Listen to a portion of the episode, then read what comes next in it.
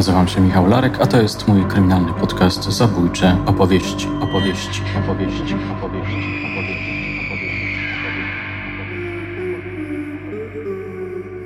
Planeta Damera.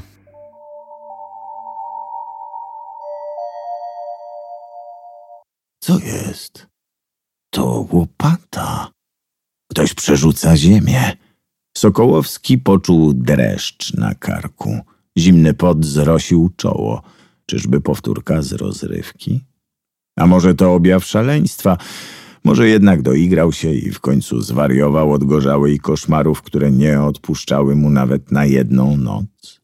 Z duszą na ramieniu skręcił w boczną alejkę i kierował się dalej za odgłosem pracującej łopaty. Nagle zamarł w bezruchu, gdy ujrzał przygarbioną postać stojącą po kolana w świeżo rozkopanym grobie. Ty! Zawołał, ale jego okrzyk nie zabrzmiał imponująco. Strach ścisnął mu gardło. Ty! Powtórzył, żeby dodać sobie animuszu.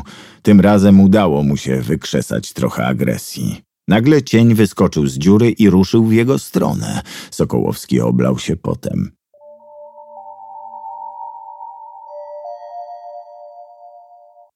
Pewnie zastanawiacie się, co to było. To Jakub Kamieński czytał fragment opowiadania pod tytułem Zemsta z zagrobu, zaduszki, które napisałem w tandemie z Maciejem Szymczakiem. W ten sposób chcę Wam zasygnalizować, zanim zaczniecie słuchać przemontowanego live'a, czyli rozmowy na żywo na Instagramie na temat Jeffrey'a Demera, że z kolegą coś twórczego zaczęliśmy kombinować. Szczegóły na ten temat poznacie słuchając niniejszego odcinka. Odcinka numer dwa naszej miniserii poświęconej kanibalowi z Milwaukee. Inspiracją dla nas był serial Netflixa, tyleż głośny, co kontrowersyjny. Inspiracją dla mnie Ważniejszą niż serial była książka Briana Mastersa The Shrine of Jeffrey Dahmer, czyli Świątynia Jeffrey'a Dahmera. Słuchajcie i komentujcie. Jestem bardzo ciekaw, co wy myślicie o tej superprodukcji.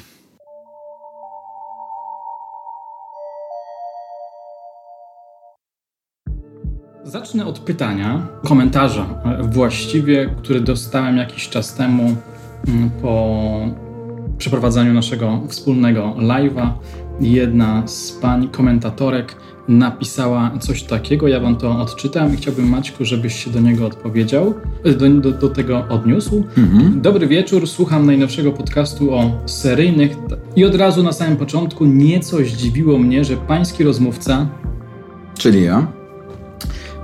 Takim entuzjazmem mówi, że wreszcie trzeba i o polskich seryjnych, i polskich seryjnych wprowadzić do popkultury. Nie wiem, czy rozwijacie to dalej, bo piszę na gorąco, ale nie jest to trochę niebezpieczne.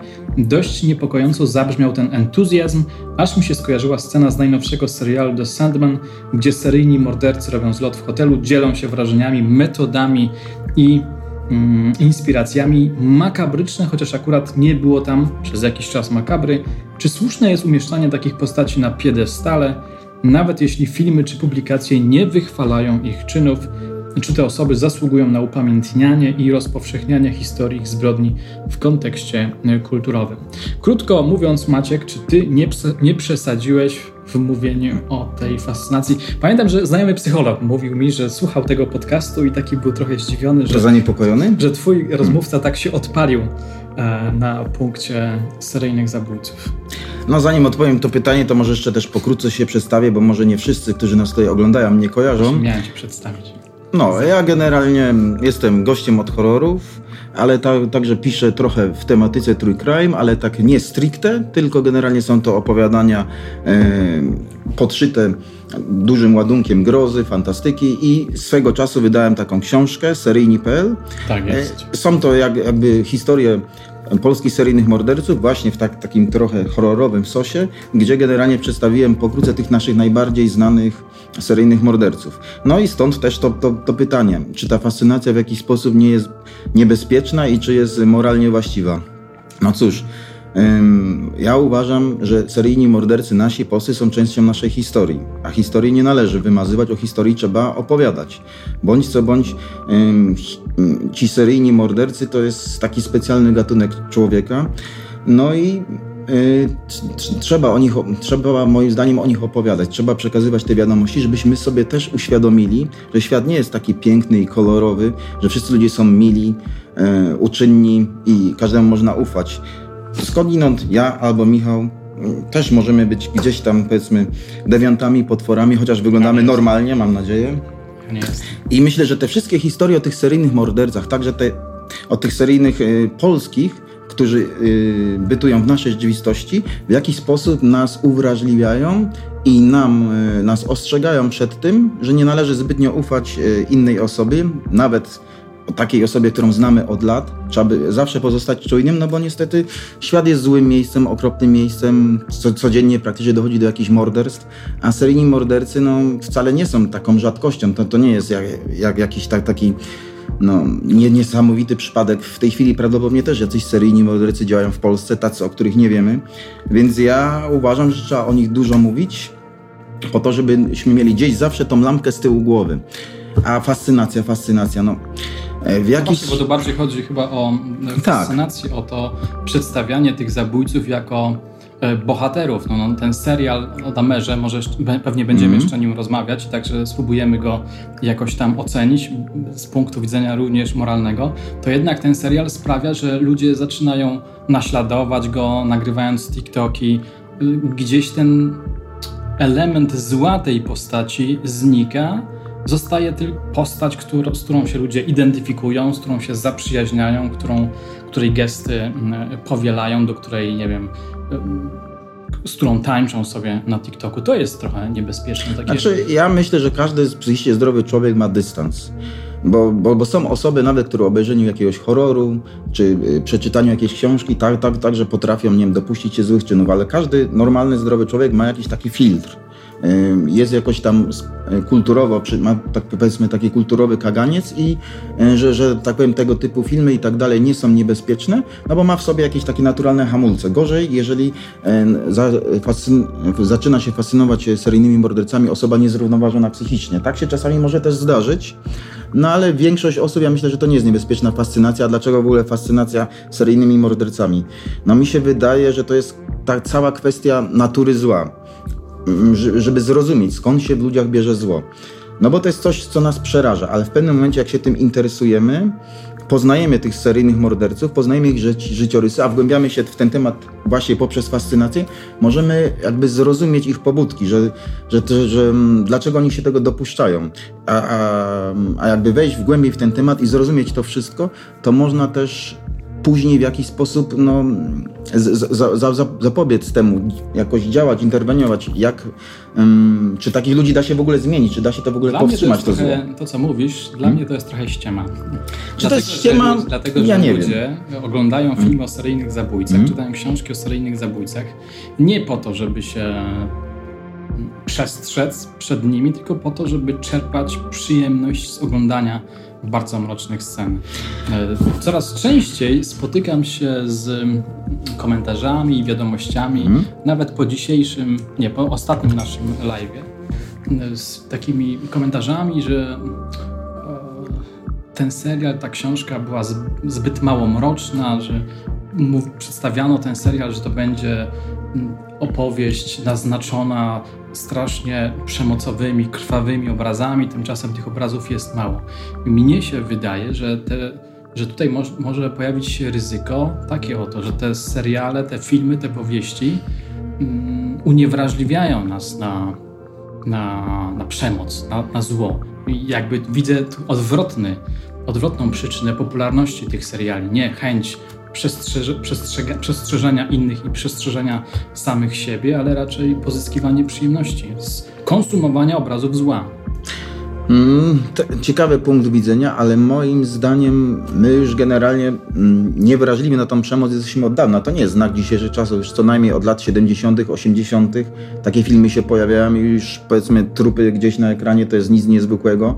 A bardziej szkodliwe moim zdaniem są takie filmy, gdzie jest e, takie bezrefleksyjne zabijanie, że wychodzi Rambo, strzela i trupy padają.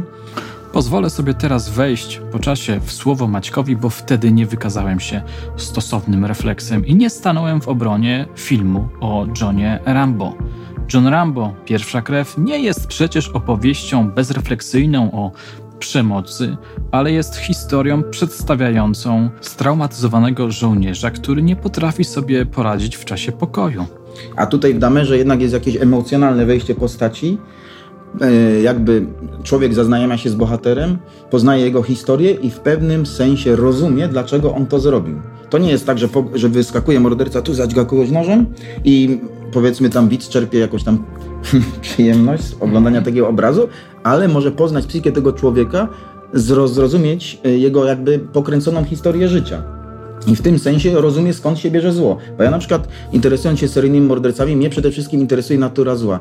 To, dlaczego ludzie są zdolni do popełniania takich czynów. Skąd to się w człowieku bierze? Już od, od dziecka takie pytanie, se, takie pytanie sobie zadawałem, jak to jest, że jeden może podejść cegłem, cegłą komuś głowę rozwalić i powiedzmy znęcać się i tak dalej, a inny człowiek tego nie zrobi. Że skąd to się wszystko bierze? I co, masz jakieś odpowiedzi? No mi się wydaje, że, że to jest jakby połączenie trochę mm, uwarunkowania kulturowego, ale także pewnych predyspozycji wrodzonych. No dobrze, ale jak piszesz kolejne opowiadania, e, słuchasz podcastów, oglądasz seriale, no to co, zbliżasz się do jakiejś e, lepszej odpowiedzi, czy po prostu... E, wczuwam się w te postacie i staram się je zrozumieć. Tak, także właśnie pisząc e, opowiadanie o Jeffreyu e, Damerze, czyli Zombie Lover, starałem się wczuć w jego, e, w jego psychikę, w jego uczucia. To jeszcze do tego opowiadania mhm. wrócimy, więc może nie wyprzedzajmy wypadków. Chciałem jeszcze poruszyć serial moralności tego serialu Netflixowego. Jak się przegląda różnego rodzaju informacje, wiadomości na ten temat, no to można natknąć się na bardzo ważne sygnały, Chodzi mi tutaj o to, że mm, rodzina ofiar e, Damera wystąpiła przeciwko e, temu serialowi, zaprotestowali przeciwko temu serialowi. Tutaj pojawia się kwestia kolejnego e, zarzutu, że tego rodzaju opowieści są, są żerowaniem na cudzym bólu, na cudzej krzywdzie. Z jednej strony twórcy tego serialu, ale też innych seriali czy innych widowisk mówią, że chcą oddać sprawiedliwość ofiar, przedstawić ich, ale z drugiej strony rozgrzebują rany, są niewrażliwi na, na ich ból. No tak, ale z drugiej strony też część historii. O historii musimy opowiadać, bo z, z drugiej strony można by także o II wojnie światowej opowiadać, powiedzmy o obozie Auschwitz i nie wymieniając nazwisk y, tych więźniów, którzy zostali tam zamordowani, zgładzeni w obozie Auschwitz, bo też, też część historii, naziści, którzy się y, znęcali nad Żydami, i generalnie tutaj jest też podobna historia, no bo to już jest prawie ile? 30 lat minęło od, tych, od śmierci ofiar, gdzieś koło tak będzie, nie? 30, ponad 30 lat, więc to nie jest świeża historia. No i to jest jakby historia kryminalistyki, więc ja nie widzę w tym nic negatywnego moralnie. Rodzice widzą ofiary, rodzice, rodziny ofiar widzą. No tak, ale w książkach wszystkich, opracowaniach też jest to poruszane. To dlaczego w książkach dobrze, a w filmach źle? No, myślę, że to wynika tylko i wyłącznie z tego, że książki mają mniejszą siłę rażenia, rażenia a serial ma potęż, potężną siłę rażenia. Taki jeden drobiazg. Znaczy chodzi o to, że mają zarzut taki, że twórcy filmu nie skontaktowali się z y, rodzinami ofiar, tak? Żeby z nimi to uzgodnić?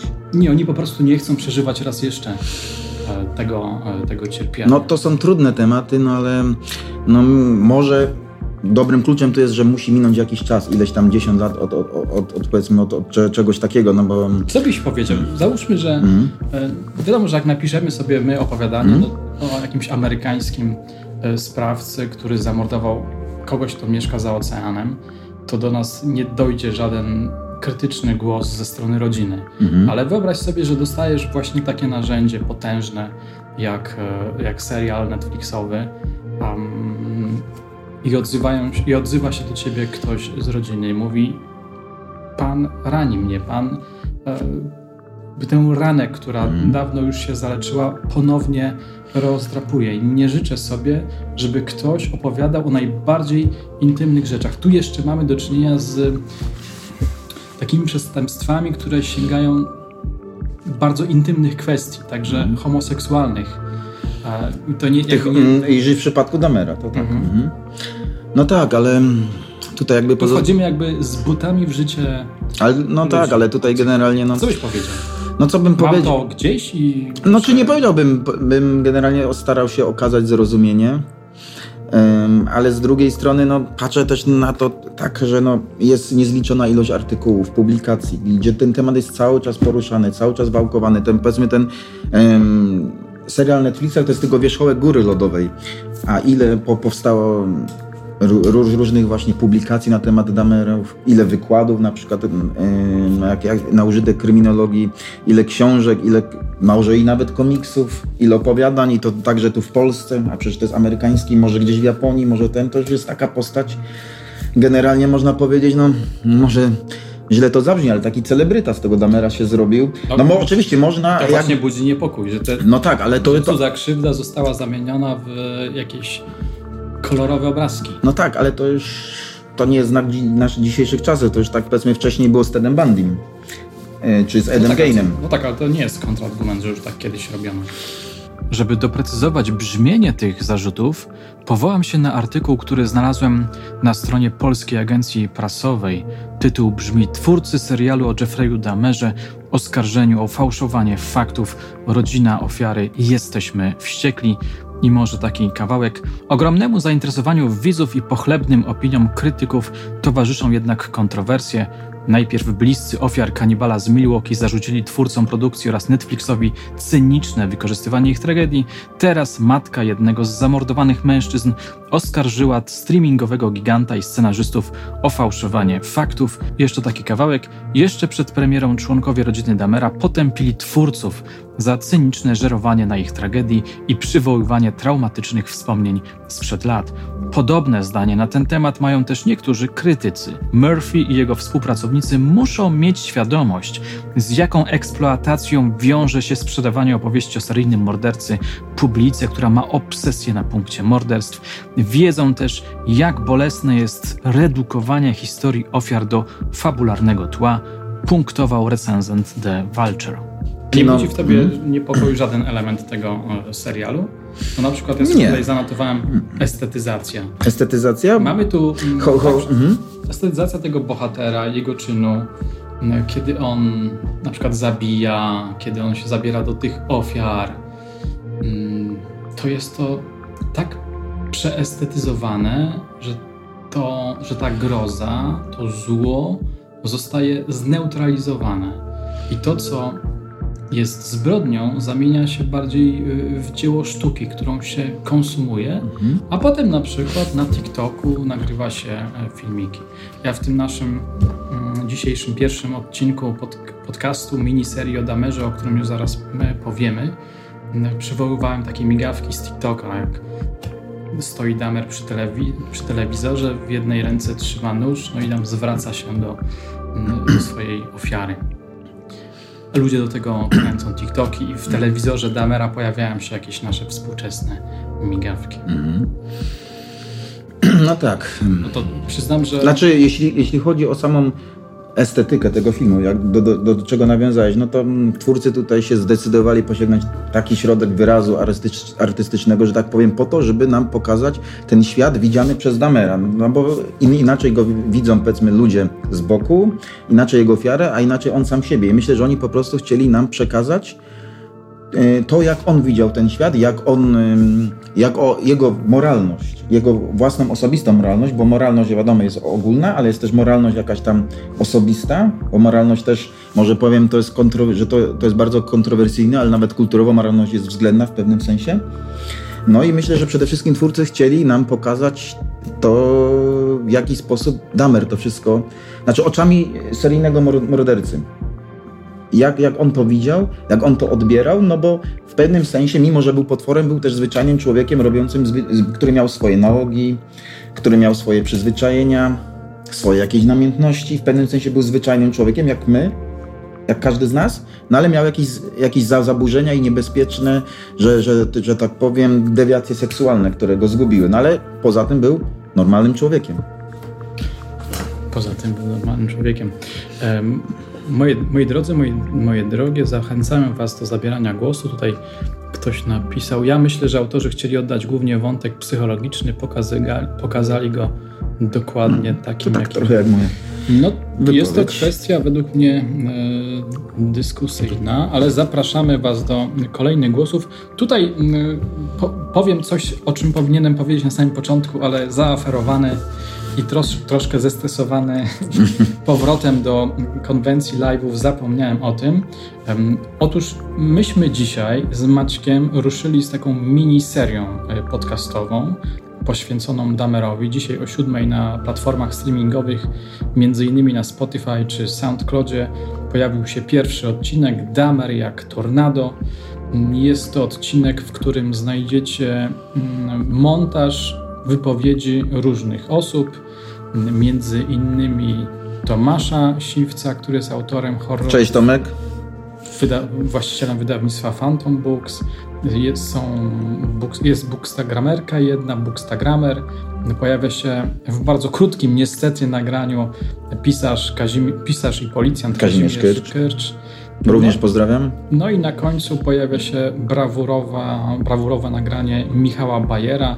On wziął na warsztat książkę Lionela Damera, czyli ojca e, seryjnego zabójcy, który próbuje się uporać z poczuciem winy, że nie przeciwstawił się tym demonom, które mm, jego syna sprowadziły na bardzo, bardzo złą No właśnie, drogę. to jest ciekawa kwestia, na ile kwestia wychowania tu tutaj, że tak powiem, zaważyła na późniejszych losach Damera, czy jego ojciec rzeczywiście mógł coś w tej materii zmienić, bo generalnie no, kwestia, jest, kwestia jest taka, że raczej nie nie miał on jak, jakiegoś bardzo nieszczęśliwego dzieciństwa, nie pochodził z patologicznej rodziny, nie miał jakichś specjalnych traum. Oczywiście rodzice się kłócili, matka miała depresję, raz nawet próbowała popełnić samobójstwo, więc na pewno w jakiś sposób przeżywał ich kłótnie, jak to dzieci, wiadomo, ich później ich rozwód, a także to odejście matki od niego z młodszym bratem, w tym sensie, że rodzina się rozwaliła, no ale nie miał jakoś takiego bardzo traumatyzującego e, dzieciństwa ale w, w, którymś momencie no, te dewiacje musiały się pojawić. Nie wiem, czy to było wtedy, kiedy z, y, ojciec, y, kiedy z ojcem właśnie y, rozpuszczali te. Jak, tak, tak, nawet bardzo ciekawa scena. Ja w, no tym, ja w, w odcinku mm, podcastu nawiązuję do tego, do tego odcinka mm, Netflixowego, gdzie ojciec zasiada przed swoim synem, już zatrzymanym, już aresztowanym i pyta go, ale skąd to się wzięło? Dlaczego? Chce wiedzieć dlaczego. No i Jeffrey Dahmer nie, za bardzo wie, e, skąd to się wzięło, dlaczego się to mm, tak, dlaczego tak się potoczyły jego losy, ale mówi może wtedy, kiedy jeździliśmy samochodem w poszukiwaniu e, ciał martwych zwierząt i je rozpuszczaliśmy. I to jest taki pierwszy moment, w którym pojawia się, tak mi się wydaje, że to jest pierwszy moment, w którym pojawia się wątek winy mhm. ojca i Lionel wtedy obrusza się strasznie, niemalże wpada w histerię mówi: Nie, nie, nie, nie, nie, nie zepchniesz tego na mnie. To nie jest moja wina. Mm. Ale potem w tym samym odcinku on mówi, już nie pamiętam, czy swojej nowej żonie, czy e, poprzedniej. Tak, tak, nowej partnerce albo żonie, nie? Tak, że to jednak była jego wina. I jest taki moment, i też ten moment podobno pojawił się w książce Lionela. Ja już tej książki nie czytałem, ale polegam teraz na tym, co mówił w tym nagraniu Michał Bayer, że ojciec miał jakieś e, fantazje nie wiem, czy mordercze, czy przemocowe, związane z seksem. No, ale nawet w serialu jest o tym mowa, mhm. że ja miałem takie myśli, nigdy ich nie zrealizowałem, ale miałem brutalne myśli, jak morduję kobiety e, w związku e, z seksem. I musiałem mu to jakoś przekazać. No, cieka... ten wątek jest bardzo ciekawy. No, jestem ciekawy, czy jest jakiś taki tu zalążek historii o czymś, o czym E, nie, nie wypowiedział się publicznie ojciec Damera. Być może były jakieś jeszcze inne nawiązania, rozmowy z synem, być może jakaś ukryta pornografia, co on mógł odkryć i zobaczyć, a, a, do czego boi się przyznać generalnie. No bo tak mi się wydaje, że no, te dewiacje musiały się skądś wziąć, bo to chyba nie jest tak, że człowiek się z czymś takim rodzi, prawda? Że to jest jakby cecha nabyta. No, to jest też właśnie ta, takie pytanie, czy rodzimy się źli, czy stajemy się źli? No myślę, że tutaj rozstrzygającego pytania e, nie ma, że jest to też kwestia genów, ale także okoliczności zewnętrznych. Wróćmy jeszcze na chwilę mhm. do serialu, bo mnie ta estetyzacja jednak trochę niepokoi. Ona sprawia, że ten serial jest powiedzmy jakoś tam artystyczny, czy może według nawet niektórych wysmakowany, ale ta estetyzacja sprawia, że ten bohater jest przedstawiony w jakimś łagodniejszym świetle. Tak. Że niektórym ludziom... Jest ludzki po prostu. Jest, ma jest... ludzką twarz, ma, ma, ma swoje powiedzmy takie cechy, które widz może polubić. Pomimo tego, że jest mordercą, w jakiś sposób też przedstawia się go jako takiego no, człowieka zabawnego, elokwentnego. Tutaj też chciałbym też e, nawiązać do, do innego filmu o Jeffrey'u Damerze. Mój przyjaciel Damer z 2017 roku to jest zdecydowanie mniej krwawy film, gdyż skupia się on na, pokazu, na pokazaniu ży, e, życia nastoletniego Damera, na jego perypetiach w szkole. No i generalnie w tym filmie pokazują jego wyobcowanie początkowe, to, że był szykanowany, że się z niego śmiali, taki wycofany, ale później jakby zmienia się, udaje szkolnego błazna, wygłupia się i zyskuje właśnie wśród e, rówieśników wielkie uznanie. Jakby można powiedzieć, e, zmienia się trochę jego sytuacja, ale też w pewnym momencie mm, zaczyna nadużywać alkoholu, wpadać w złe towarzystwo. I, w, I to w połączeniu właśnie z rozwodem ich rodziców i to, że matka do niego doszła, powoduje, że te jego jakby mm, początkowe te złe myśli, te niebezpieczne myśli, te niebezpieczne fantazje przybierają na sile i to, że już on zaczyna coraz bardziej marzyć, marzyć ym, o dokonaniu tego pierwszego zabójstwa. Na początku są to tylko takie niewinne marzenia. I fajnie właśnie w tym filmie pokazują tą jego, prze, prze, tą jego przemianę, tak, taki rys psychologiczny Damera I, i na pewno jest to w innym kontekście jak tym serialu Netflixa. Nie ma takiej estetyzacji, tylko jest to bardziej tak, bardziej w formie takiego dramatu. No i film się kończy w momencie, kiedy Mm, poznaje on swoją pierwszą ofiarę, Stevena Hicksa. W ogóle tutaj na przykładzie Damera Michał myślę, że, e, że, że interesująca jest jego w ogóle historia jako mordercy, prawda? Bo pierwsze morderstwo, które dokonał, tak naprawdę to nie było zaplanowane. On zaprosił tego chłopaka do siebie, tego autostopowicza. Tak, miał wtedy 18 lat. On miał wtedy 18 lat i on nie planował go zabić. On to zrobił w afekcie, ponieważ podobał mu się, a tamten był heteroseksualistą. Chciał go opuścić i w tym momencie coś puściło i za to go sztangą, prawda? Ukrył zwłoki, także y, dru, drugą ofiarę, która notabene też był Steven, y, też, y, też nie było to zamierzone zabójstwo, prawda? Nie było, tak, ale warto tutaj mm, przypomnieć, że pomiędzy pierwszym zabójstwem a drugim zabójstwem jednak upłynęło 9 lat. Mm, to jest to, długo jak na seryjnego mordercy. Bardzo długo. I to, na co zwraca uwagę Brian Masters, autor tej książki, którą Wam polecam. Znakomita rzecz. Jeszcze jej nie skończyłem, jestem gdzieś w połowie jej lektury. On pokazuje, że po pierwszym zabójstwie Damer jednak miał wyrzuty sumienia, czuł, że jest zły, że jest grzeszny i robił wszystko, żeby przeciwstawić się tym wewnętrznym demonom podsuwającym mu kolejne mroczne, makabryczne fantazje. On w pewnym momencie zamieszkał z babcią, to trochę mu pomogło, bo ona była religijną mhm. osobą, więc ten wątek religijny tutaj jest dość, dość istotny. Co też znaczy, że nie był do końca zaburzoną osobą, jeśli mógł się temu przeciwstawić i tak długo to powstrzymywał. No... Bo osoba głęboko zaburzona raczej nad tym nie panuje.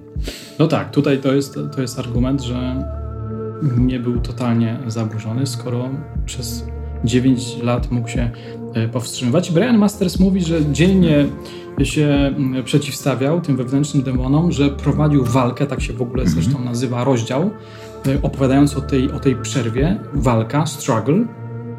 No i w pewnym momencie jakiś mężczyzna, kiedy on siedzi w bibliotece, podrzuca mu liścik, sugerujący tym liściku, że mogliby się mm, spotkać i on by zrobił mu mm, dobrze ustami. I do tego momentu on jakby był tak w sobie trochę zamknięty.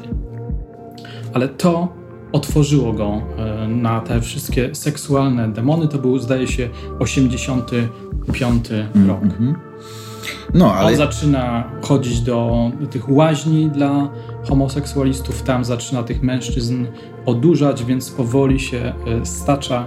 No i właśnie dochodzi do tego drugiego e, zabójstwa. Ale on też z każdym kolejnym mordercą rozkręcał się, bo na no, początku no, rozkręcał się. To... E, pozbywał się zwłok, Ale to może nie wyprzedzajmy. Mhm, dobrze, okej. Jest to drugie zabójstwo, do którego na, nawiązałeś. Mhm. To jest 80, zdaje się, siódmy rok. Doszło do niego w sumie w stanie Upojenie alkoholowego. pojenia alkoholowego. Także on nawet nie pamiętał, co się stało. Tak, Budził się i, do hotelu Ambasador, i po prostu... zaczęli pić i potem on się obudził i zobaczył, że jego partner jest Martwy. potłuczony.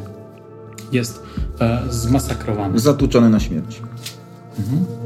Um, Br- Brian Masters cytuje, zdaje się, Damera, który mówi, że to był właśnie taki punkt bez odwrotu. Że do tej pory y, dzielnie się trzymał, ale potem tama pękła. Ze dwa, miesiąc albo dwa miesiące miał jakieś tam opory, wyrzuty sumienia, strach, a potem odezwał się już głód. No i narastanie tego głodu widać, kiedy zerkniemy sobie na daty zabójstw. W pewnym momencie to już jest jakaś e, jakieś kompulsywne e, działanie, szczególnie w 1991 roku. Mamy 18 lutego zabójstwo, 7 kwietnia, e, w maju, Z2 czerwiec, lipiec. Ale też też ciekawe są te wyrzuty sumienia, bo rzadko kiedy seryjni mordercy mają wyrzuty sumienia. Właśnie to jest ciekawa sprawa. No ja nie jestem, mm, ja nie jestem profilerem, czy nie jestem psychologiem, psychiatrą, ale jak tak sobie mm, czytam mm, chociażby o polskich seryjnych zabójcach, no z naszego podwórka Kolanowski, to tam są zawsze gdzieś tam w głębi jakieś mniej lub bardziej uświadomione, mm, uświadomione, poczu, uświadomione Poczucie poczucie, że, po, poczucie winy, no, że coś tam się zrobiło e, złego. Są jakieś obrazy, które nas gniotą, z którymi nie możemy sobie dać rady. Czasami jest to bardziej uświadomione, czasami jest to mniej uświadomione. No, ale generalnie te wyrzuty sumienia, jak pokazuje historia Damera, no to już stopniowo zanikały. Z każdym kolejnym mordercem, morderstwem się rozkręcał. Tak, tutaj Bo już potem nawet zwłok się nie pozbywał, tylko trzymał wszystko w domu. Kolekcjonował kości, czaszki.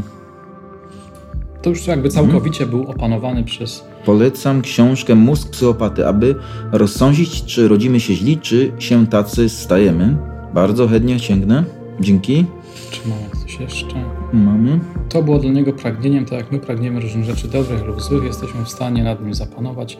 Myślę, że tak samo było z Kolanowskim czy z innymi. A propos, y, a propos psychiki, mm, o której tutaj delikatnie próbujemy opisać, chciałem jeszcze nawiązać do jednego y, fragmentu y, książki Mastersa.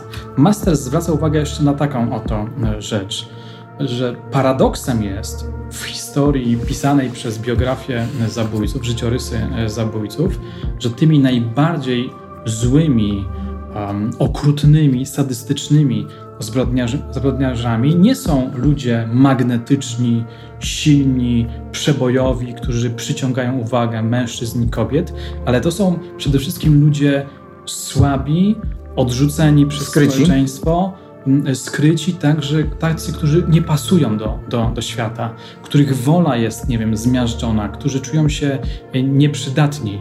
Ale Damer taki do końca nie był, bo on potrafił oczarować drugą osobę. Inaczej by tylu mężczyzn nie ściągał do siebie do mieszkania, gdyby był taką totalnie wyobcowaną, wyizolowaną, osobą. No taką na początku był, ale później się jakby zmienił, bo jednak on potrafił oczarować inną osobę.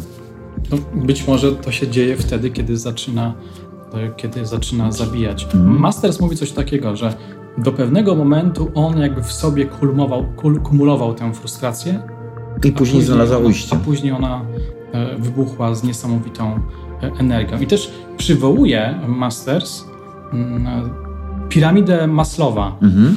Tę piramidę mówiącą o mm, naszych potrzebach, które zaczynają się od potrzeb fizjologicznych, potem biegnie przez y, potrzebę bezpieczeństwa, uznania, kreatywności itd., itd.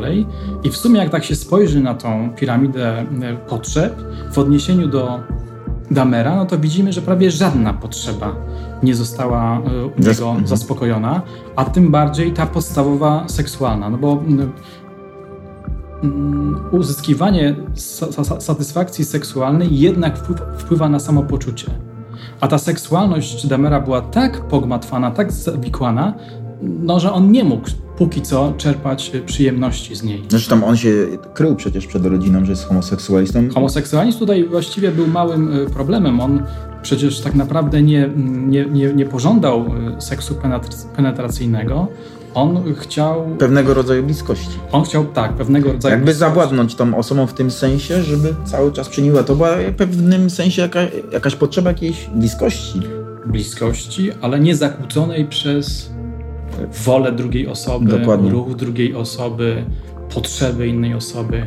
To mi znowu przypomina trochę Kolanowskiego, który był fetyszystą mhm. w tym sensie, że potrzebował nie żywej osoby, która też ma potrzeby seksualne, ale potrzebował obiektu, którym będzie mógł całkowicie manipulować, za, za, którym, tak, którym będzie mógł zawładnąć. Stąd właśnie też ta, ten dziwny pomysł właśnie Damera przemienienia człowieka w zombie wwiercanie się w czaszkę i, i lanie kwasu solnego. To naprawdę przedziwny pomysł i to już chyba wtedy, kiedy było z nim naprawdę źle. Kiedy się bardzo rozkręcił w tym w morderstwach, już miał coraz mniej kontaktu z rzeczywistością. Ale w tym względzie to też wyróżnia e, Dadamera, bo chyba nikt inny na taki pomysł nie wpadł. Na taki szalony pomysł. Żeby ludzi zamieniać w zombie. Tutaj ciekawostka, którą znalazłem w książce Briana Mastersa. Otóż wyobraźcie sobie, że Damer kupił sobie kasetę wideo z filmem Powrót Jedi, był zachwycony tym filmem, oglądał go kilka razy w tygodniu, utożsamiał się z postacią imperatora, który miał kontrolę nad śmiertelnikami. Kupił sobie nawet żółte soczewki i w tych soczewkach chodził do barów, żeby podrywać swoje przyszłe ofiary. Właśnie, napisałeś opowiadanie o um, Damerze. No właśnie, tytuł, mi, tytuł. Dlaczego? Tak, dlaczego? Co cię no? Generalnie muszę się przyznać, że napisałem je y, przed y, serialem, y, przed właśnie tym słynnym serialem Netflix, więc nie byłem nim zainspirowany. No ale mi się wydaje, że właśnie to, co przed chwilą mówiłem, czyli ta chęć zamieniania ludzi w zombie, wydała mi się na tyle interesująca, żeby bardziej się przyjrzeć temu mordercy. Tak, ta, y, I generalnie też skupiłem się na jego jakby poczuciu bliskości. To, że był on jakby osobą osamotnioną, odrzuconą i w jakiś sposób miał taki lęk, y, że te osoby, które do siebie zapraszał, że one go zaraz dostawią, opuszczą i w tym sensie on je mordował, żeby je zatrzymać. On też mówił coś takiego, że zjadał właśnie części swoich ofiar po to, żeby poczuć ich bliskość żeby poczuć je w sobie, żeby one w nim były. Więc w tym sensie zainteresowała mnie to, ta jego psychika i ta potrzeba w pewnym sensie bycia kochanym, jakiejś tam bliskości. I na, na tym się skupiłem, także jakby po, pokazując Dam Damera od tej strony. Takiego zaburzonego mordercy, mordującego dla potrzeby jakiejś tam bliskości. To jest dosyć pogmatwane. I, i, i mhm. dlatego mnie, mnie to w ten sposób on mnie zainteresował. Zanim mm, weszliśmy już tak w głąb naszego e, live'a, powiedziałeś, że piszesz takie opowiadania po to, żeby wczuć się e, w psychikę. No dobra, no i powiedzmy, że wczułeś się w psychikę, ale raczej w swoje wyobrażenie. Tak, o, dokładnie. I, I co uzyskałeś? Czego się dowiedziałeś? Nie wiem, o Damerze, może o sobie albo o nie wiem, człowieku w ogóle, o jego psychice? No, wydaje mi się, że przede wszystkim Większość ludzi nie znosi mm, bycia samotnym, źle znosi osam, osamotnienie jako takie. Każdy z nas potrzebuje bliskości, potrzebuje tej drugiej osoby. Jeśli nie ma tej drugiej osoby, jeśli nie ma tego poczucia bliskości, to w, w człowieku rodzi się lęk i frustrację. I aby ten lęk wyrzucić, tę frustrację jakoś zaspokoić, to często właśnie mm, E, dokonujemy jakichś głupich czynów, głupich rzeczy. Nie, niektórzy osoby, niektóre osoby są na przykład stalkerami, gnębią te inne osoby, bo potrzebują uwagi. Niektóre osoby jakoś lepiej sobie z tym radzą, In, inne, inne nam na przykład mm, popadają w jakieś nałogi, żeby sobie to jakoś zrekompensować, a jeszcze inne jak Damer, no popełniają jakby najgorsze zbrodnie. No tutaj na pewno refleksją jest taka, że samotność jest czymś, co nie służy ludzkiej naturze i co jest e, wbrew ludzkiej naturze. Jesteśmy y, zwierzętami stadnymi, że tak powiem. I doprowadza czasami do takich krańcowych czynów.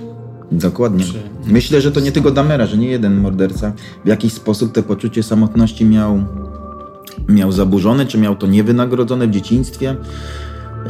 I to osamotnienie jakoś człowieka wyrzuca poza nawias społeczeństwa i sprawia, że staje się potworem. Niejednokrotnie.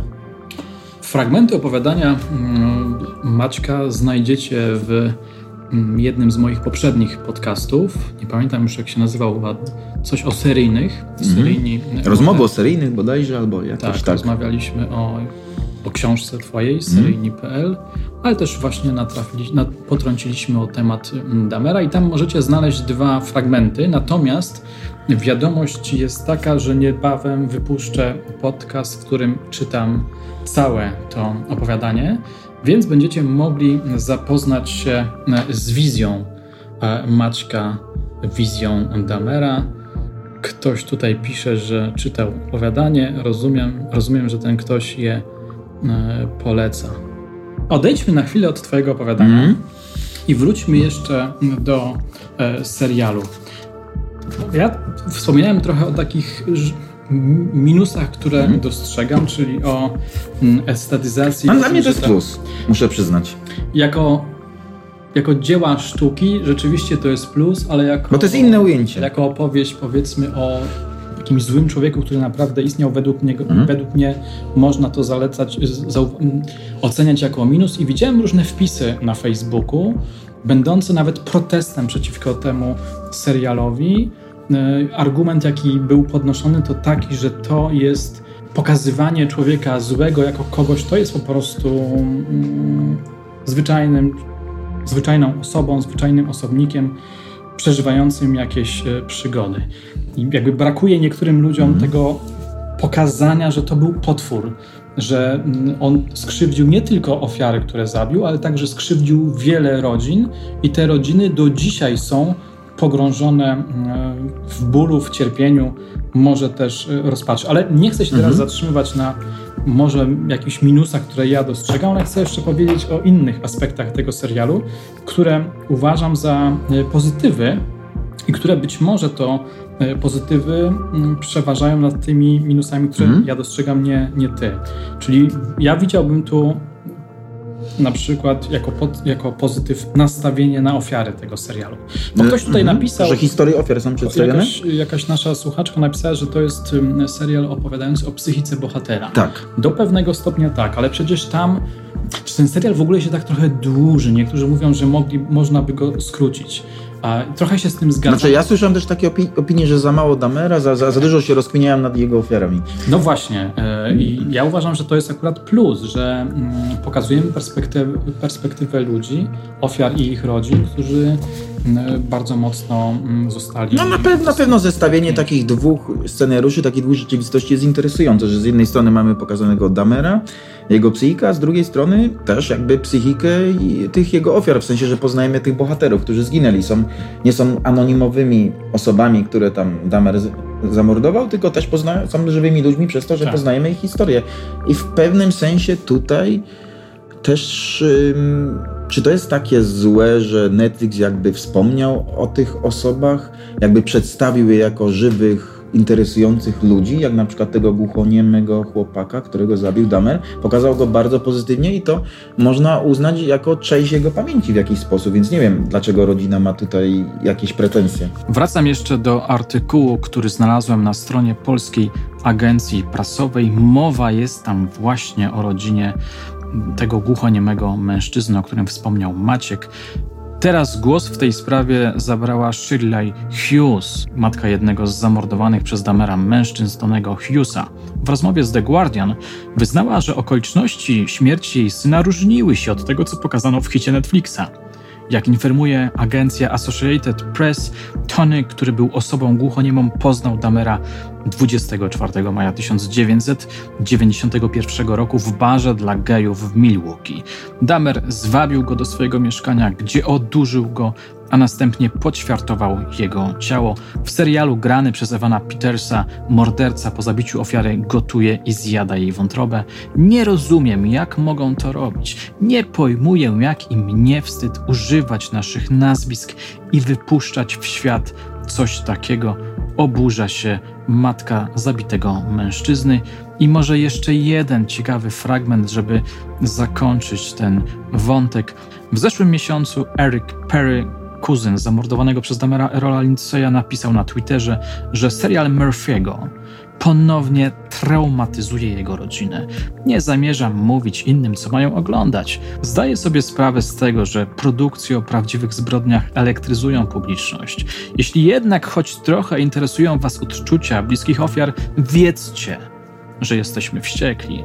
Przez takie seriale nasza trauma odżywa wciąż na nowo. Wystarczy wspomnieć scenę, w której moja kuzynka na sali rozpraw wpada w histerię, widząc mężczyznę, który torturował i zamordował jej brata. To jest po prostu straszne, napisał. Dla mnie to jest rzecz nie do rozstrzygnięcia.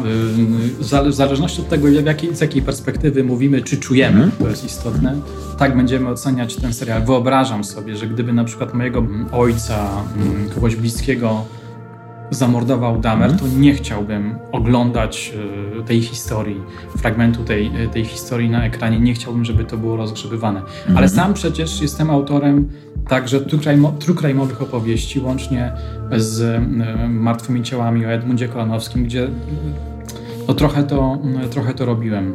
Uważam, że no to, no, to, to, to jest kwestia znaczy, pi, pisząc true crime, no to nie da się inaczej. Tak. Nie, nie możesz fikcyjnych... Ale powiem Ci, że czasami mam wyrzuty sumienia, kiedy ktoś pisze i mówi, że zbyt dobrze przedstawiłem. Kiedyś miałem taki mhm. zarzut. Napisała do mnie osoba e, będąca siostrą zamordowanej dziewczynki mhm. przez pewnego zabójcę do dzisiaj e, żyjącego. Mhm. Że przedstawiłem zbyt dobrze tę, tę postać. Znaczy tą dziewczynkę? Czy... Zbyt dobrze przedstawiłem y, sylwetkę zabójcy. Ach, zabójcy. Rozumiem. No bo nie potępiłem go jakby wprost. Aha, rozumiem. Dwa odcinki. Zrobiłem dwa odcinki. Pierwszy odcinek rekonstruujący sprawę, a potem w związku z tym, że ktoś, kto znał tego zabójcę jak, i, i, i wiedział, gdzie on mieszka, i skontaktował mnie z panią, która go zatrudniła, no to pojechałem, nie żeby porozmawiać z zabójcą, bo tego nie chciałem zrobić, ale chciałem porozmawiać z panią, która go zatrudniła mhm. u siebie w gospodarstwie, żeby zapytać, czy nie, bo, na przykład, żeby zapytać, czy nie boi się zatrudniać mordercy. I potem, aha, no i jakby to była taka rozmowa o nim, jako człowieku, który już teraz sobie e, żyje i póki co nic złego nie robi. Mhm. Ale zarzut, który e, wystosowała do mnie siostra tej zamordowanej dziewczynki, no brzmiał tak, że powinienem Bardziej go potępić. Ludźmi, tak, porozmawiać z innymi ludźmi, których to dotknęło, no i tak, no i, i, i potępić. No tak, ale ty jesteś, ba ty jesteś badaczem, w pewnym sensie naukowcem, jak zajmujesz się tym tematem i nie możesz subiektywnie do tematu podchodzić, tylko obiektywnie. No niestety, na, na tym polega właśnie nauka, że nie można emocjonalnie podchodzić, tylko przedstawiać suche fakty. Wróćmy jeszcze do serialu. No, wymowne jest to, że e, ta perspektywa ofiar jest prowadzona jeszcze wtedy, kiedy Damer już jest e, zamknięty. Mhm. Kiedy już jest osadzony gdzieś tam w areszcie, są prowadzone jakieś e, badania, a tam ciągle ten wątek się pojawia. A mowa jest o pamięci, o tym, żeby stworzyć jakiś pomnik, który będzie upamiętniał te ofiary żeby, nie wiem, jest bunt przeciwko przekształcaniu Damera w bohatera. Ludzie są zbulwersowani, że on teraz właśnie pojawia się na okładkach, staje się bohaterem komiksów, więc jakby to potępienie popularyzacji tej postaci w samym tym serialu, który popularyzuje postać Damera jest obecne i to jest, to jest bardzo, bardzo ciekawe. Dla mnie jeszcze też takim ciekawym, to już o tym trochę mówiliśmy, aspektem tego serialu jest y, temat ojca który próbuje się uporać z tymi demonami przeszłości. Tak, ale próbuje się uporać ze swoją synowizną. Mhm. Bo zazwyczaj jest tak, że to przecież dziecko e, musi się uporać ze swoją ojcowizną, czy ze spadkiem po no tak. jakiejś złej albo zimnej matce. A tu mamy próbę uporania się z, z, ze, swoim, ze swoim e, dzieckiem. Czyli takim no ja myślę, że to jest na, na pewno bardzo mm, trudne, gdyby na przykład, nie wiem, twój syn, twoja córka, mój syn, moja córka była seryjnym mordercą, skrzydziła inne osoby i myślę, że dla ojca to byłoby bardzo trudne do zniesienia, gdybym na przykład odkrył, że mój syn morduje inne osoby, jest odpowiedzialny za, za śmierć i w tym momencie skrzywdził także bliskich, czyli całą rzeszę osób, to byłoby trudne psychicznie do, no do udźwignięcia. no dla mnie to jest wstrząsające, bo tutaj nie mówimy o, o zabójstwie jednym. I w, ty, I w tym sensie, w jakim sposób byłaby to moja odpowiedzialność? Co ja zrobiłem, czego nie zrobiłem? Czy to jest kwestia wychowania, tego, że za mało uwagi poświęciłem? No to są bardzo trudne pytania i tutaj też no, trzeba ostrożnie oceniać Lionela jako ojca. no przyznam, że on, mm, że ta jego to, ta, to jego poparcie, wsparcie dla syna jest dla mnie wstrząsające i no on bardzo dużo mu pomógł w życiu, można powiedzieć, bo załatwił mu pracę, wysłał go do wojska. No interesował się jego życiem mimo wszystko, bo Damer się staczał cały czas, cały czas interweniował, nie olewał go, a mimo wszystko ten cały jego wysiłek poszedł na marne. Tak. Masters y, opowiadał w swojej książce o tym, że ojciec próbował go zaangażować, bo widział, że to jest ktoś, kto popadł w totalną apatię. Jego wola była sparaliżowana, mm. był pogrążony w inercji, był coraz bardziej niekom niekomunikatywny, zanurzał się w świecie fantazji. Jak ten, kto zanurza się w świecie fantazji, to już ma, nie, nie ma kontaktu z rzeczywistością. Tak, nie uczestniczy w, życi w życiu zewnętrznym, ten całkowicie się w tym zatraca. Jest, I w pewnym momencie jest jakby mm, zwyciężony.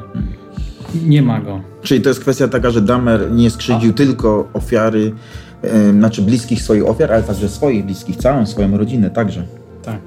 Czy ja, ja, mnie się wydaje, że ja bym, tak, gdybym miał takiego syna, seryjnego zabójcy, mm. tak brutalnego, nie byłbym tak wyrozumiały jak Leonard. Hmm. W sensie, w sensie... Ja bym się wyrzekł. Rozumiem. Myślę, że bym się wyrzekł. Ale to jest też bardzo, ale mimo wszystko jakbyś się wyrzekł, to i tak miałbyś z tym później problem. Oczywiście. Ciężko byłoby dojść do ładu z tym wszystkim, bo to już by zostało w tobie do końca, do końca życia. No nie wiem, tutaj była potrzebna jakaś porządna terapia, myślę. To na pewno. Ostatni podcast, bardzo ciekawe punkty widzenia, szczególne, szczególnie poruszanie tematu ojca Damera mnie bardzo e, zaciekawiło. No właśnie, ten wątek ojca jest niesamowicie. Zwłaszcza, że on nie jest poruszany przy innych seryjnych mordercach, tylko przy Damerze, prawda? Jakoś nie słyszymy o ojcach Teda Bandiego, czy generalnie. No ja nie kojarzę tak silnie zaakcentowanego wątku w innych biografiach. Może tak było, ale chyba rzadko się to pojawia. Ktoś tu napisał, ale tego mi brakowało. Nie, nie do końca wiem. Tak, brakowało mi live'ów. No to bardzo miło. Jeszcze tylko powiedzieć, że wracam do tematyki seryjnych morderców z wiosną przyszłego roku, gdzie wyjdzie kontynuacja seryjnych.pl, seryjni 2. I to, to będzie. To jeszcze, Aha, to jeszcze opowiemy. To dobrze. jeszcze będziemy o tym mówić, o naszych y, produkcjach osobnych i wspólnych, bo pewne rzeczy się mm, szykują. Tutaj jakiś komentarz. Jeszcze muzyczka w tle robiła klimat w podcaście nienachalna, ale robiła klimacik. A dziękuję. Ostatnio, jak mam czas, to... To mówimy o tym dzisiejszym, o tak? O tym dzisiejszym, tak. Ty jeszcze nie słuchałeś tego. No jeszcze A, nie, jeszcze nie. Jesteś niby współautorem e, albo patronem, ale jeszcze nie słuchałeś. No tak, ostatnio mam, jak mam czasami, jak mam trochę czasu, to się wtedy bawię dźwiękami. E, Maciek, mm. to może już tak powolutku na koniec zapytam Cię o to, bo to też mnie intryguje. E, czy można było temu zapobiec? No, mi się wydaje, że można było wielokrotnie i nie chodzi tu o, o samą postać Lionela Damera, jego ojca, ale zawinił tutaj, że tak powiem, aparat państwowy.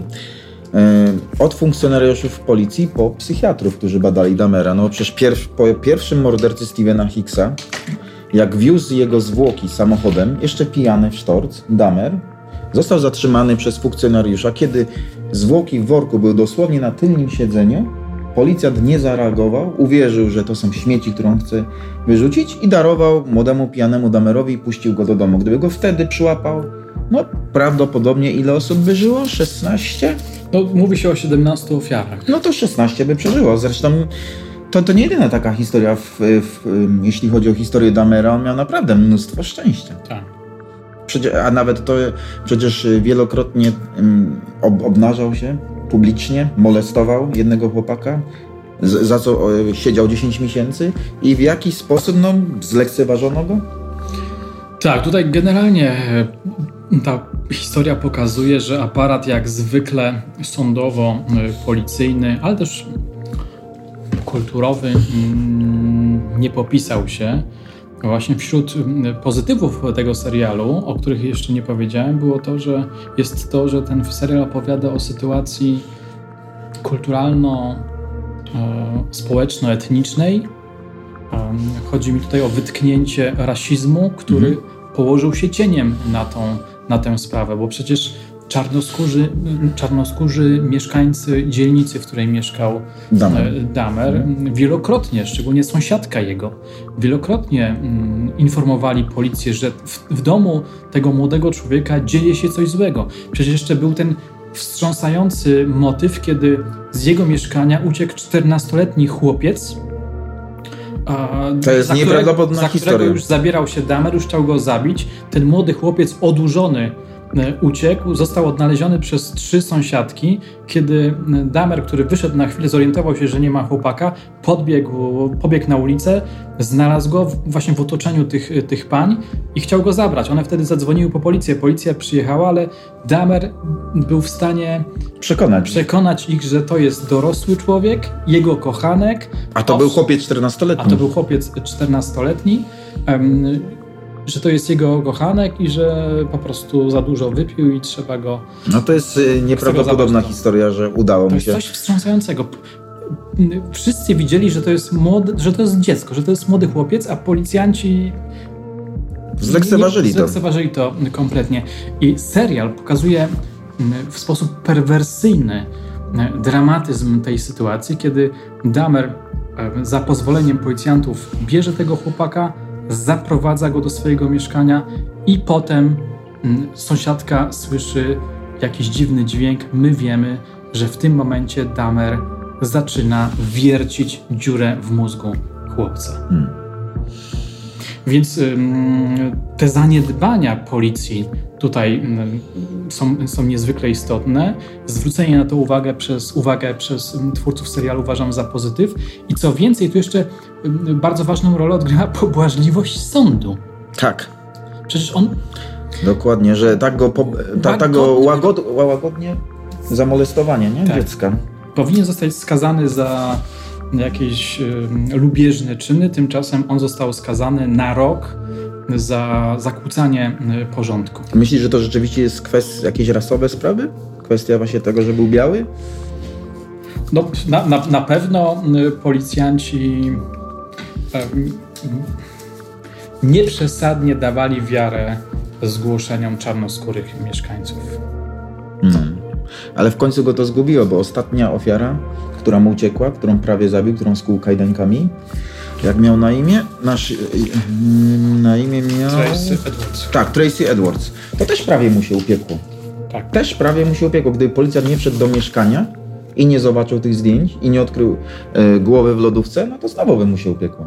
To prawda. No, Bo oni nie chcieli uwierzyć temu Tracy Edwardsowi. Myśleli, że to jest po prostu naćpany homoseksualista, że tak powiem, pokłótni z kochankiem. Sytuacja się powtarza jak z Konerakiem odeszliby i historia by się powtórzyła, ale na szczęście no, tym razem się inaczej potoczyło. Tak, na szczęście zachowali się jak prawdziwi policjanci, mhm. którzy może nawet jeśli nie wierzyli, że coś tam złego się dzieje, to weszli i spełnili swój obowiązek. Mhm. I zobaczyli zdjęcia przedstawiające poćwiartowane e, zwłoki.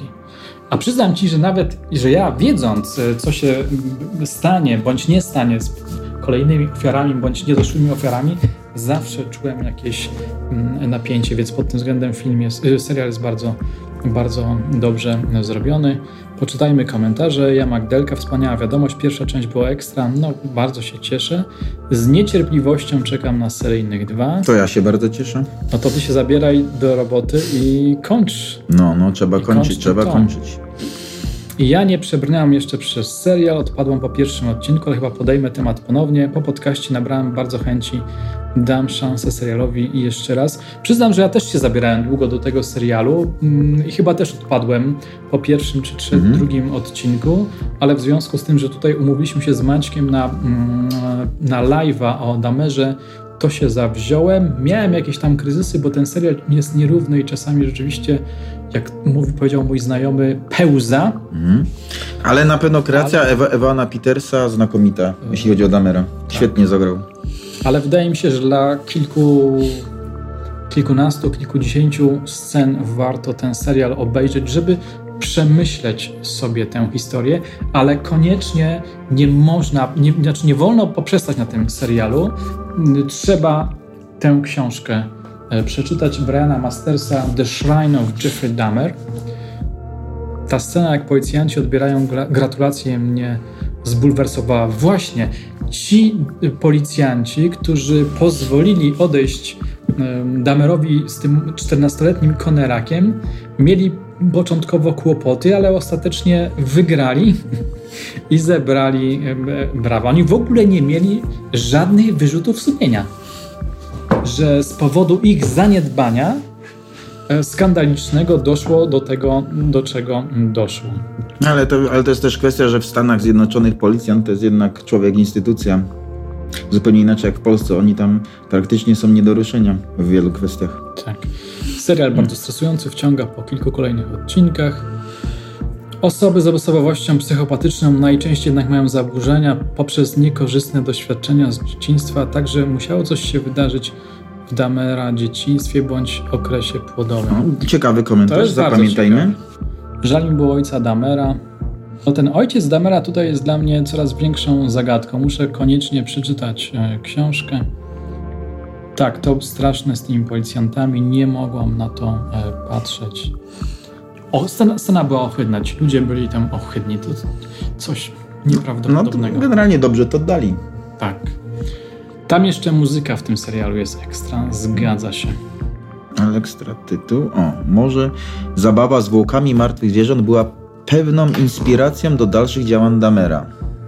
Hmm. No właśnie, no, taka była teza rzucona i przez Jeffreya i przez Lionela. Ciekawe, czy to miało jakiś, czy to miało jakiś, jakiś wpływ. No, mm, tam był jeszcze, przecież Lionel miał jeszcze jedno dziecko, Davida, który tak. poszedł normalną drogą, nic się nie stało.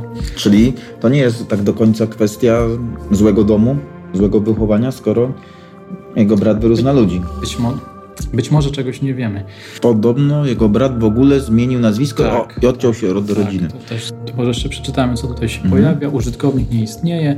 Myślę, że ojciec się borykał w tym, z, z tym w głębi, patrząc z perspektywy czasu odnośnie tych zwierząt. Ja myślę, że te martwe zwierzęta i porzucenie przez matkę po części zrobiło swoje. Zwłaszcza to odrzucenie przez matkę, bo badając życiorysy różnych właśnie seryjnych morderców, często jest tak, że ta matka gdzieś zaważyła. Jeżeli były złe relacje z matką, porzucenie przez matkę często jakoś oddziaływało to, bo na przykład dużo morderców, którzy e, mordują właśnie kobiety, miało właśnie złe relacje z matkami, albo było bitych, torturowanych przez matkę, albo matki ich opuściły we wczesnym dzieciństwie, to bardzo często ten schemat się powtarza. W serialu jest taka scena, kiedy młodziutki Jeffrey wchodzi do domu, do pokoju, chyba do sypialni matki i widzi matkę leżącą. Niemalże martwą ona e, wzięła jakieś środki, chcąc popełnić samobójstwo, więc może widok mhm. niemalże martwej osoby, matki też jakoś na niego wpłynął, ale to już tylko i wyłącznie e, spekulacje. Tylko właśnie przeważnie mordują kobiety, tu z kolei mężczyzn. Brak autorytetu matki również. No dobrze, to co? To powoli będziemy e, kończyć.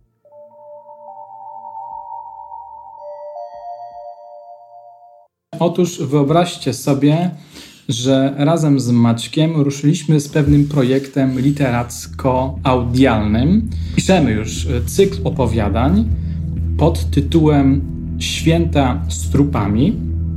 Napisaliśmy do tej pory, to jest wspólny projekt, razem opowiadanie pod tytułem Głos z zagrobu zaduszki. Jest to opowiadanie opowiadające o pewnym milicjancie, który mm, budzi się na cmentarzu właśnie w dzień zaduszek, albo w dzień święta zmarłych, już teraz nie pamiętam, czy to był pierwszy czy drugi listopada, i zostaje nawiedzany przez duchy seryjnych morderców, morderców. seryjnych morderców, z którymi miał do czynienia. I którzy leżą na cmentarzu miłostowskim. Tak. Mm, opowiadanie będzie dostępne w formie audiobooka. Zajmuje się tym nasz kolega Łukasz Narolski z firmy Nine Realms. Opowiadanie zostało już przeczytane przez znakomitego, prawda? Mhm. Lektora Jakuba Kamińskiego. Świetny jest. Czekamy teraz na udźwiękowienie tego nagrania. Czekamy na okładkę. Prawdopodobnie to opowiadanie będzie dostępne po nowym roku. Zależało nam na tym, żeby ono się pojawiło w zaduszki, ale nie wyrobiliśmy się, hmm. szczególnie ja się tutaj nie wyrobiłem e, z tekstem. I gdy już myślami był w domu i kładł się do łóżka, nagle drogę przeciął mu jakiś mężczyzna prowadzący za rękę małego chłopczyka. Sokołowski stanął jak wryty, spojrzał w kierunku oddalających się postaci i wtedy przypomniał sobie tamten ponury jesienny dzień. Nie mógł pozwolić, by to się znów powtórzyło. O nie, nie! Historia nie może zatoczyć koła. Ruszył za nimi. Śledząc trasę ich marszu, chłopiec był niespokojny, chyba popłakiwał, lecz typ w ciemnym płaszczu mocno ściskał go za rękę i nie zważał na jego protesty. Prowadził go w stronę lasku na skraju cmentarza. Stary szkieł poczuł niepokój.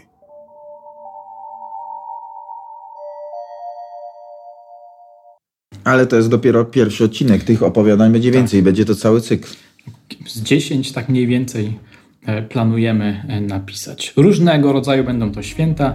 Nie tylko nasze hmm. polskie, katolickie, ale też na przykład Maciej rzucił, Maciek rzucił pomysł, żeby jedno ze świąt to była noc Walpurgi. Walpurgi. Pani Michał wyłączy, ja jeszcze tylko powiem, w przyszłym roku seryjni 2 zostaną wydane nakładem wydawnictwa Planeta Czytelnika. Planeta Czytelnika, zapamiętajcie. Pozdrawiam Was.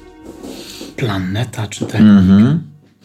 Brzmi kosmicznie mhm. dobrze.